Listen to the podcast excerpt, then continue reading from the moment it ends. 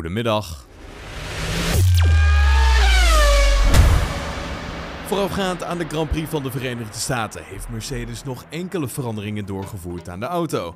Volgens teambaas Toto Wolff heeft het team hiermee een bloedbad kunnen voorkomen. De auto kwam behoorlijk zwaar op de grond en dat maakte de auto kapot, zo wordt hij geciteerd door motorsport.com.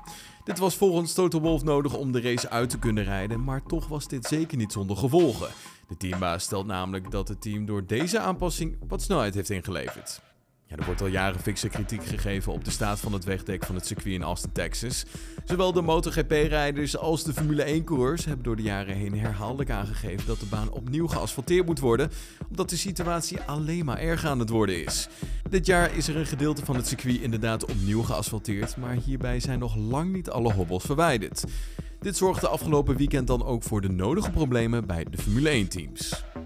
Jos Verstappen die kijkt enorm uit naar zijn officiële re in de motorsport die volgende maand op de planning staat. De Nederlander gaat op het TT-circuit in Assen meedoen aan een rally. ter voorbereiding is hij alvast hard aan de trainer geslagen. Ik ben al 7 kilo afgevallen en ik loop iedere ochtend hard, vertelt hij tegenover de Telegraaf. Het wordt voor mij de eerste keer dat ik race met de navigator naast me. Ik heb er echt heel veel zin in en ik heb gemerkt dat ik de rally heel erg leuk vind. Aldus, Jos Verstappen. Dan gaan we over naar zijn zoon, want Max Verstappen die houdt er een interessante achterban op na. Niet alleen heeft de Nederlander wereldwijd een fanbase, maar ook andere topsporters volgen hem op de voet.